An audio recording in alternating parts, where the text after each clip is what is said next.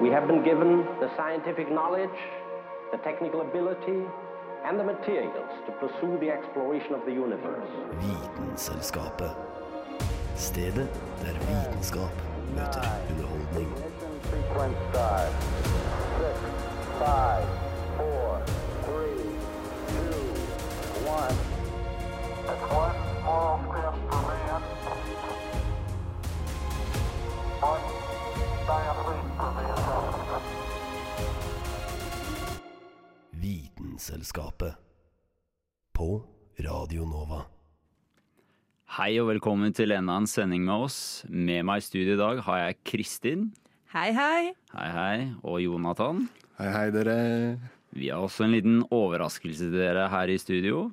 Mitt navn er Christopher Ramage, og du hører på Vitenselskapet.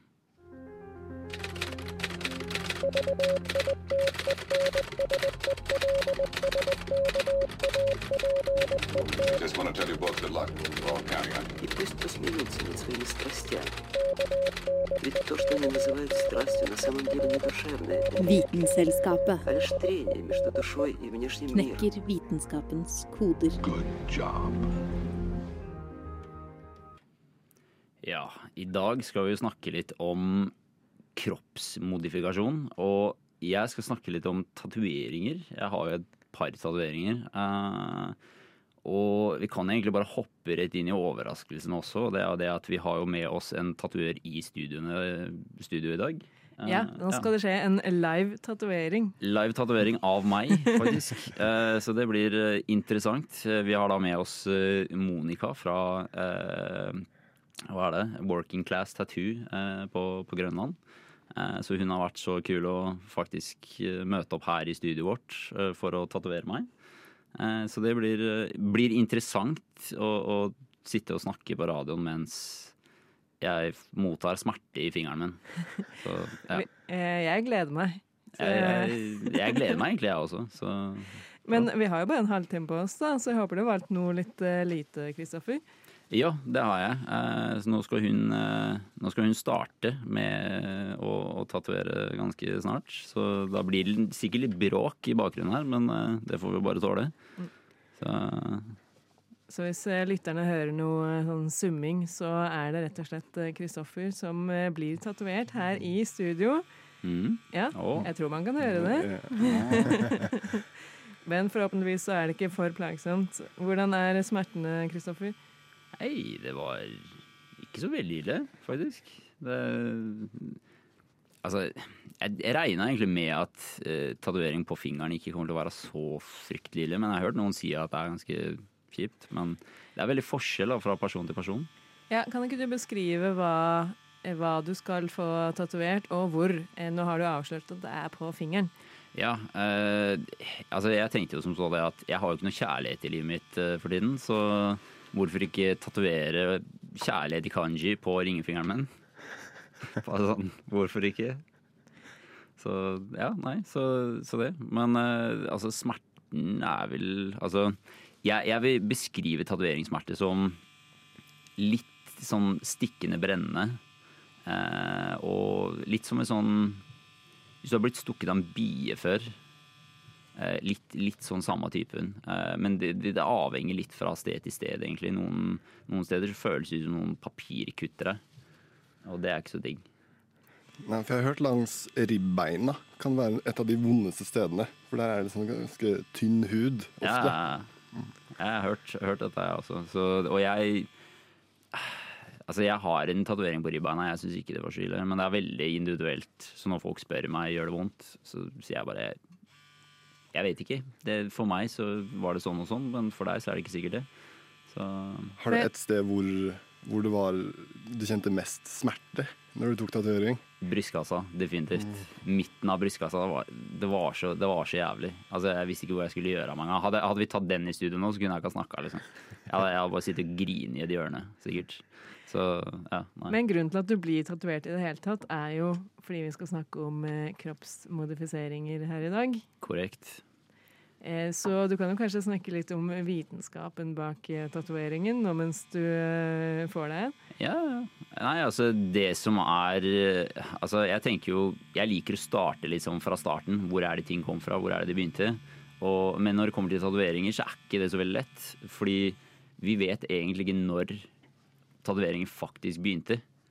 Uh, og, men den, den eldste personen vi har funnet med tatovering, uh, er han godeste ismannen Øtzi. Uh, Som jeg tror vi har snakket om tidligere. eh, Som levde for ca. 5000 år siden. eh, Og som hadde hele 61 tatoveringer på kroppen. Oi. En, det er imponerende. Ja, ja, så det er ganske sjukt.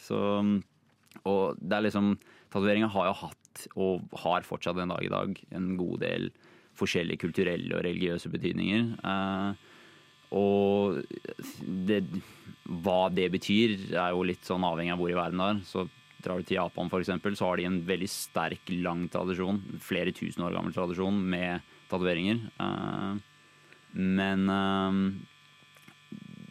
det er jo ikke det det er vel ikke så Altså, det er veldig stigmatisert da i Japan, eh, fordi det er forbundet med yakuza og liksom kriminelle. Og samme gjelder jo egentlig Kina også, med, med triadene. Eh, så, men jeg mener at det er kunst på kroppen. Eh, og jeg tror veldig mange i Vesten eh, anser det for å være det, i hvert fall nå i dag.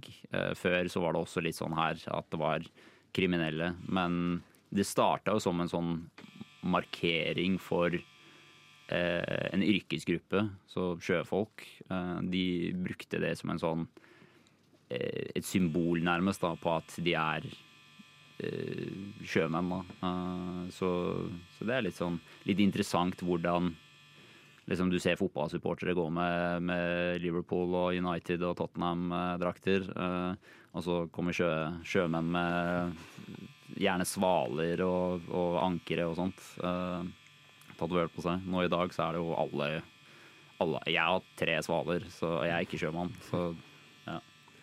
Og det er jo visse, som jeg bare hørt, da, visse sånn militære grener som har spesifikke tatoveringer bare for sin egen avdeling. Ja, ja, helt korrekt. Og det er jo blitt en greie sånn i liksom, kulturen vår som det har på en måte eh, morfa litt med eh, den moderne kulturen. Og det er ganske interessant å se hvordan vi mennesker på en måte bruker Altså vi, vi liker jo å flokke oss i grupper eh, og vise tilhørighet, eller ha en tilhørighet da, til, til forskjellige grupper. Og tatoveringen blir på en måte en sånn eh, en greie da, hvor du kan, kan markere på kroppen din da, hvor du eh, hvor du hører hjemme. Eh, Men eh, Kristoffer, eh, nå er det sånn at jeg, jeg ser ikke helt hva som eh, skjer der borte, for det er en sånn skjerm i veien. og Sånn. Kan ikke du beskrive det, hva som faktisk skjer? Nei, altså Det som skjer, er at hun tatoverer meg. da. Hun uh, sitter veldig konsentrert og eh, stikker en nål inn i huden min, eller trykker på en pedal da, som jabber en nål inn i huden min eh, Litt flere tusen ganger i minuttet. symaskin, eh, på en måte?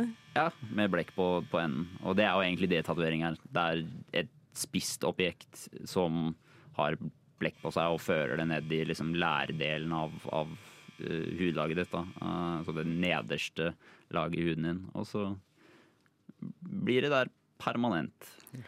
For det kan jo, man kan jo teknisk sett gjøre det samme med en nål. Ja, man kan det. Og Det tar bare litt lengre tid, kanskje. Ja, det gjør det jo. Eh, Det er jo fortsatt eh, veldig sterk tradisjon flere steder i verden for sånn såkalt manuelle tatoveringer. Eh, Men her i, her i Vesten så kjører vi på med, med skarpladd uh, tatoveringspistol uh, istedenfor. Yes, Det blir spennende å se om eh, hun blir ferdig i løpet av denne lille halvtimen vi har her i dag, da. Ja, det satser, satser på det.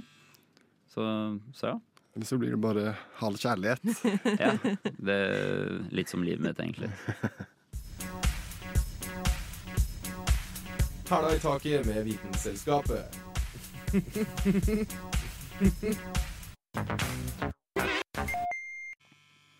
snakkes ofte at man blir mer og mer avhengig av teknologi om dagen. Men hva hvis teknologi faktisk var en del av deg?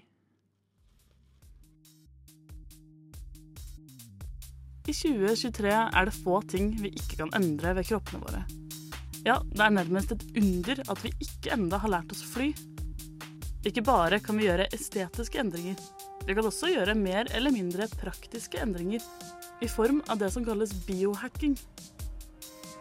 Det er kanskje mest kjent fra filmer som Blade Runner og videospill som Cyberpunk 2077, men biohacking er noe som allerede har foregått i noen år nå. Det er kanskje ikke alt man kan drømme seg til fra et sci-fi-univers, men det duger om mulig til å gjøre hverdagen i hvert fall litt lettere. I dag kommer den mest brukte typen biohacking i form av en mikrochip som opereres inn i personen som skulle ønske det.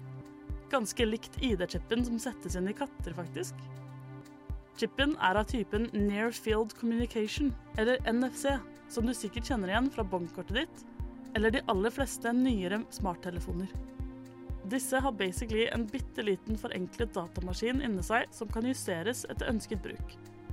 De mest vanlige bruksområdene for mikrochipper i kroppen er bl.a. å bruke det som bankkort, medisinsk ID, nøkkelkort eller adressebok.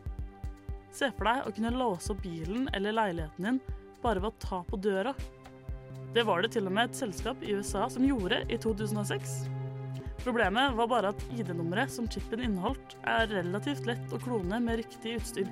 Så ikke den tryggeste nøkkelen, kanskje.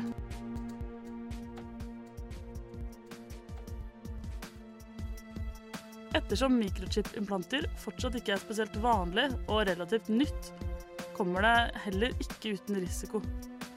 Det medisinske inngrepet som kreves bare for å få operert det inn i kroppen, kan føre til infeksjoner, eller rett og slett at kroppen avviser implantet. Skal man senere ta MR, kan det også føre til komplikasjoner å ha en mikrochip i kroppen, for da kan man ikke ha på seg noe som helst magnetisk. Et annet potensielt problem med mikrochip-implanter er korrosjon. Dette skjer ikke så ofte i elektroniske implanter som det gjør i magneter man kan få operert inn i kroppen. Heldigvis er ikke dette spesielt farlig i lengden, så lenge man får fjernet chipen. Til syvende og sist er kanskje ikke en mikrochip i fingeren så veldig annerledes enn å ha en hormonstav i underarmen. Sånn bortsett fra noen metaller og funksjoner, så klart. Og denne saken ble laget av Julianne Li Fjell.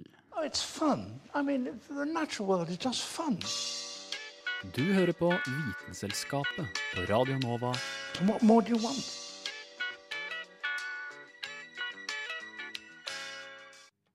Ja, da er vi tilbake med litt eh, bråk og tjåk eh, her, i- her i studio. Eh, Altså, jeg- man hører den tatoveren eller tatoveringsmaskinen der. Ja, man gjør det. Men jeg har hørt verre. Det er eh, en i studio som hun tatoverer eh, i, som, eh, som har en maskin som Altså, den bråker. Altså, hadde han vært her, så hadde vi da, det, det hadde ikke funka. Fordi hans maskin er Det er maskin, altså. Så det, det er V8-motor på, tror jeg. Så, så det. Men eh, du da, Kristin. Har du noe spennende å komme med i forhold til kroppsmodifikasjoner i, i dag? Ja, det vil jeg faktisk påstå at jeg har. Mm. Eh, vi skal snakke om øynene. Nå er det sånn at det er ikke alles øyne som fungerer. Noen er jo blinde. Men det kan være flere grunner til at folk er blinde. Det kan jo være selve øyet det er noe veien med, eller så kan det være den banen mellom øyet og hjernen som gjør at eh, øyet kanskje fungerer, men du oppfatter ikke det du ser, da. Eh, og det her er jo noe som eh, mange i relativt eh, lang tid har prøvd å gjøre noe med. Altså tenk å kunne helbrede synet, da. Det er jo bibelske proporsjoner i det der. Og faktisk så har de kommet eh, såpass langt at eh, det fins kunstige øyne. Eh, det fins både kunstige som går rett på selve øyet, og noe som går rett på hjernen. Da. Eh, hvis vi skal snakke litt om eh, den som går rett på øyet først, så er jo det en eh, Ja, det er jo en relativt ny teknologi, men, men den har eksistert en stund, og de har vel funnet ut at det er kanskje ikke helt veien å gå, fordi at eh, det er bare spesifikke sykdommer som eh, da kan fikses ved å, å eh, ha en sånn implantat på øyet. Og det er ikke sånt eh, det er ikke sånt eh, robotøye som du ser på film. Eh, sånn at hvis det var det dere tenkte, så, så må jeg dessverre skuffe dere. Ja, For det var det jeg liksom tenkte. Jeg tenkte sånn, det var sykt fett med et øye som kan se gjennom vegger eller sånn X-ray-greier, infrarødt lys, jeg vet ikke, et eller annet sånt. Ikke sant? Sånn at når jeg begynte å lese om det og fant ut at det faktisk, eh, den teknologien faktisk fantes, og at den faktisk blir eh, brukt, så var jeg litt sånn ah yes, det her er kult. Og så viste det seg at eh, sannheten er jo ofte litt kjedeligere. Det er en teknologi som gjør at du eh, Du har et implantat som går rett inn mot hornhinnen, eh, og så eh, er det da et kamera på et par briller, så eh, du rett og slett bruker det kameraet som eh, et slags kunstig øye. Mm, og det høres jo veldig bra ut, men du ser nesten ingenting. Eller du ser litt uh, lys, kanskje, litt uh, former. Men uh, det er en del eh, komplikasjoner med det, da. Så at eh, den teknologien eh, har eh, for så vidt blitt litt uh, Man har gått litt vekk fra akkurat den teknologien der. For ikke snakke om prislappen. Bare, å, bare et, et sånn øye, kunstig øye, koster sånn halvannen millioner kroner. Og det er jo ikke med operasjon eller noe sånt noe. Så, og det er, ikke, det er mange det ikke fungerer for. Så Og det er bare for å kunne se litt. for å se Lite lite grann. Så det er eh, kommet en ny teknologi som er kanskje litt mer lovende, hvor man eh, lager en eh, slags direkterute fra et kamera som du har på toppen av eh, noen sånne spesialbriller. Og så går det en ledning, en fysisk ledning, inn bak, inn i en slags jeg tenker på det som en slags USB-port på baksiden av nakken. Det er ikke helt sånn, men jeg, jeg syns det, det virker kulere da, hvis vi sier at det er det. Eh, Det er rett og slett en ledning som går inn på baksiden av nakken, fordi at det er der eh, synssenteret ligger. Altså på baksiden av hjernen, ikke på framsiden, som hadde vært mye kortere vei. Eh, Det hørtes jo veldig upraktisk ut.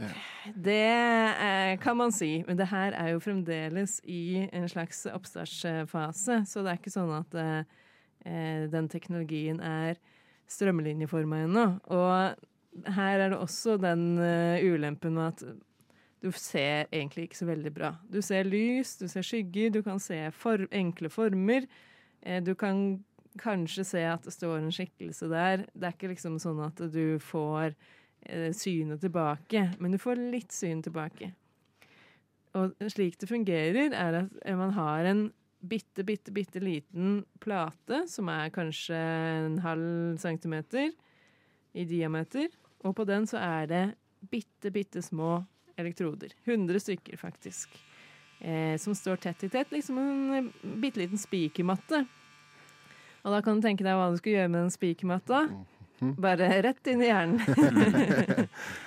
eh, og disse elektrodene, de, de kommer da i kontakt med hjernecellene, og så sender de signaler og skal prøve å liksom etterligne hvordan øyet vil ha sendt signaler. da. Eh, sånn at da må de rett og slett kalibrere, fordi de kan ikke sende inn mye strøm av gangen. fordi at da er det veldig fort gjort at man får eh, epileptiske anfall og sånn. Det vil man jo helst unngå. Hjernen vil gjerne ha ikke så mye strøm på en gang. Eh, de som har tatt elektrosjokk, vet vel kanskje det. sånn at da kalibrerer de det, og de, den første personen som de gjorde det her på, kalibrerte de i en måned for å få den uh, riktig, da. Såpass Men lang ble tid. det, ble det bra, da? Kunne, kan den personen se? Den personen kan se, men bare, bare litt sånn lys og Vi er tilbake der. ja, Ja da. Jeg vet ikke om det er verdt det, nesten. Altså Hele tiden blir litt sånn tisa av Ja. å kunne se. Det er sånn Ja, for det, det, det blir jo litt sånn. Altså, det er sånn Jeg tenker, Da kan du jo nesten like så greit være blind, da. Spørsmålet er jo eh, hva tenker vedkommende som dette ble testa på? Fordi akkurat nå så er hun blind igjen. For de kunne ikke ha, Siden dette var et testprosjekt, så kunne de ikke ha den inne lenger enn seks måneder. Så de måtte rett og slett ta det ut igjen. Eh, så nå er hun tilbake til å være blind. Og hun eh, sa selv at hun ville tatt den operasjonen på nytt hvis hun hadde fått eh, tilbudet. Så Så det, så det var verdt det, altså. så det var tydeligvis verdt det, selv om for oss så høres det kanskje litt stusslig ut.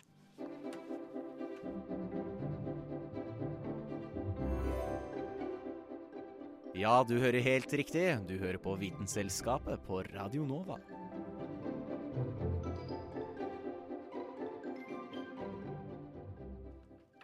Noen kroppsmodifiseringer er jo sånn som gjør at man ikke kan leve normalt.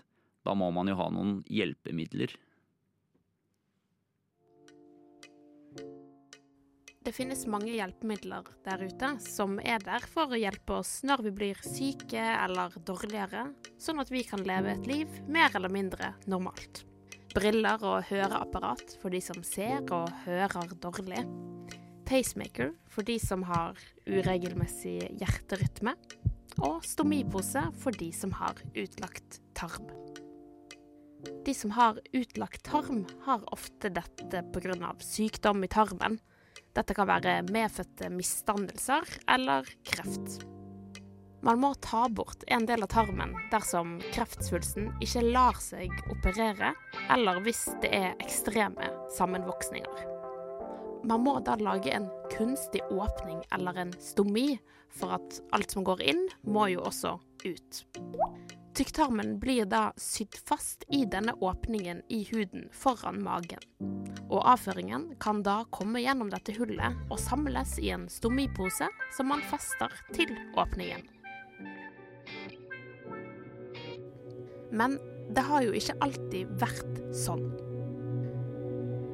Denne stomiposen ble jo også oppfunnet en gang i tiden. Vi skal tilbake til 1950-tallet, til Danmark.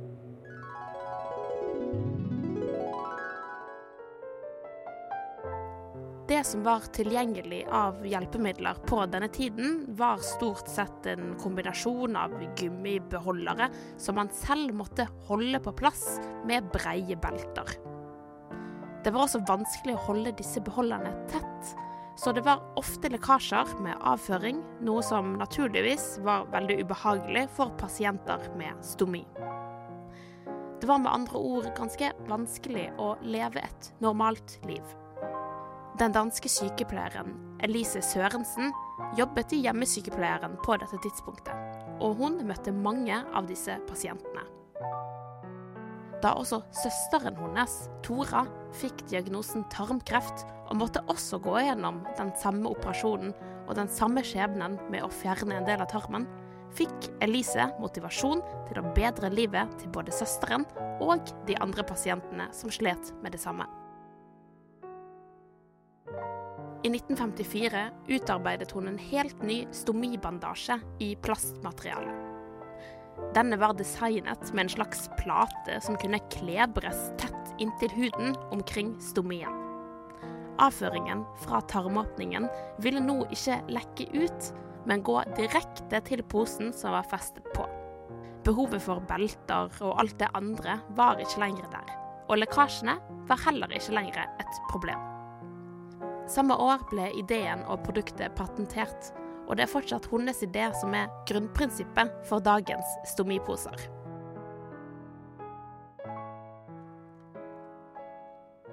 Etter at stomiposen hennes ble patentert, ble den produsert av selskapet Coloplast, som i dag lever i beste velgående, og som fortsatt produserer stomiposen. Denne saken ble presentert av Anna Vik Rødseth. Du hører på Vitenselskapet. Tirsdager klokken ti til halv 11 på Radio Nova.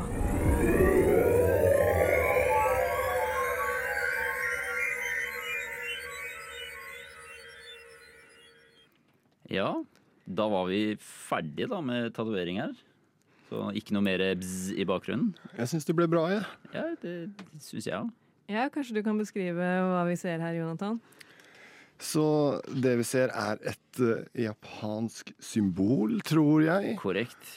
Eh, Som vi håper betyr kjærlighet, og ikke håper. noe annet. ja, jeg, jeg, jeg sjekka det et par ganger på, på internett. Uh, det gjorde jeg. Uh, var det Google Translate? Nei, uh, faktisk ikke. Det var, jeg gikk inn på noe eh, Det var noen nettsider for eh, sånn, eh, sånn kalligrafi sånn, eh, for kanji. Eh, og så tenkte jeg ok, hvis det er riktig der, på alle de sidene og på alle de Google Image-greiene jeg fant, og alt, liksom jeg sjekka at alle de strekene er sånn som de skal være, da er det sikkert riktig. Tenker jeg. Håper jeg. I hvert fall. Jeg hadde stolt på det. Jeg tror det. Hvis ikke så blir det en morsom historie. Ja, det er sant. Det er sant. Og kanskje ikke så gøy å dra rundt i Asia. Nei, men det, der, er jeg, der, der er jeg sorry. Excuse my French, men fucked uansett. Fordi jeg har tatoveringer, og de er ikke som veldig fan av det. Så det, jeg tror det går bra, uh, sånn sett. Så, men som dere sikkert har hørt, da, så har vi jo en ny stemme i studio her i dag. Eh, og det er jo Jonathan. Han er da uh, vårt nye medlem. Så jeg tenker nå er vel egentlig perfekt tid for å introdusere deg. Yes, hei dere. Jeg heter Jonathan. Jeg eh, studerer også på eh, UiO, og er, eh, begynte Radio Nova nå egentlig for et par dager siden. Jeg tror ikke det er noe lenger siden enn det. Og så kaster vi deg rett inn i studio. Du skulle egentlig bare være her og observere, men så satte vi deg bare rett foran mikrofonen og skrudde på. Det var kanskje ikke så veldig snilt gjort. Nei, men Jeg setter pris på at jeg får være en del av denne tatoveringsopplevelsen, egentlig. Ja. Og jeg må si, hvis ikke du hadde gjort det, så hadde 100% jeg gjort det. Ja, Tror jeg. Mm. Ja, men det er, det er kult. Det er, det, er sånn, det, er, det er sånne folk vi trenger i Vitenselskapet og på Hadde du sagt det her før, så hadde vi jo hatt en glimrende mulighet til å få sånn matchende vennskapstatovering. Ja, det hadde- det hadde vært det hadde vært så koselig. Vet du hva? Kanskje jeg bare skal ta en rask liten eh, på korsryggen nå. Ja. Ta, ta en sånn liten tramp-stamp, liksom. Ja, og da vil jeg gjerne at du tatoverer meg, bare Ja. for å eh, gjøre opplevelsen komplett. Det hadde vært eh, Det hadde sikkert sett helt jævlig ut. Eh, Men, eh, men ja. Men du, du da, har du noen tatoveringer? Vet du hva? Jeg tok mine første tatoveringer nå for jeg tror det er sånn to og en halv uke siden, kanskje.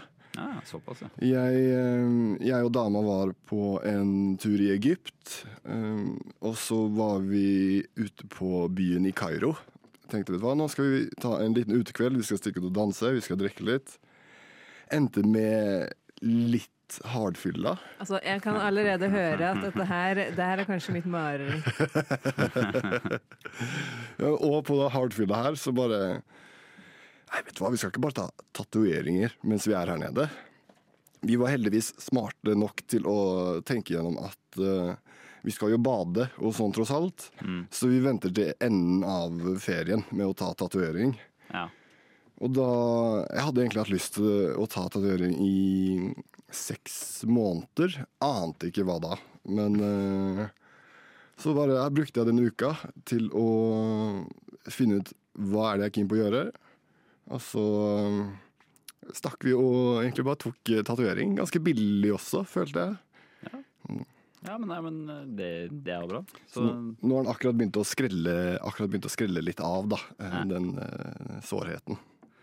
Yes. Nei, men eh, da har vi fått introdusert vårt eh, nye medlem.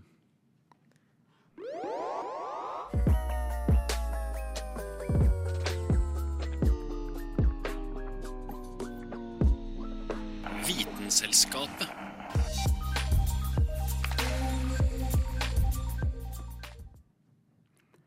Ja, da har vi kommet til enden. Takk til dere som lytter på oss, og takk til Kristine og Jonathan i, i studio. Ja, vær så god. Ja, og selvfølgelig takk til Monica for en super tatovering også. Eh, og så tenker jeg, hvis du vil se bilder eller video av resultatet, så kan du følge oss ved å søke opp Vitenselskapet på Instagram. Mitt navn er Christopher Ramage, og du hørte nettopp på Vitenselskapet. Å vite vet Vitenselskapet.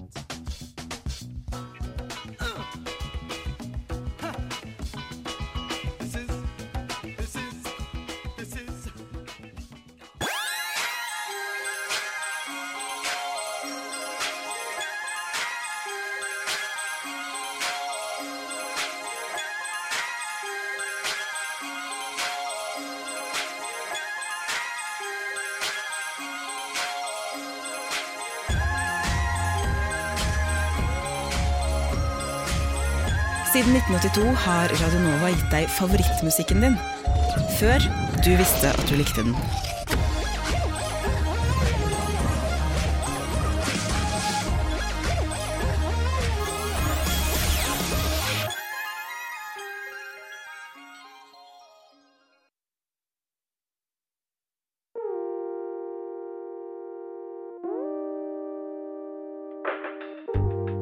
Du har hørt på en Radio Nova-podkast. Finn flere podkaster på radionova.no eller på din foretrukne podkasttjeneste.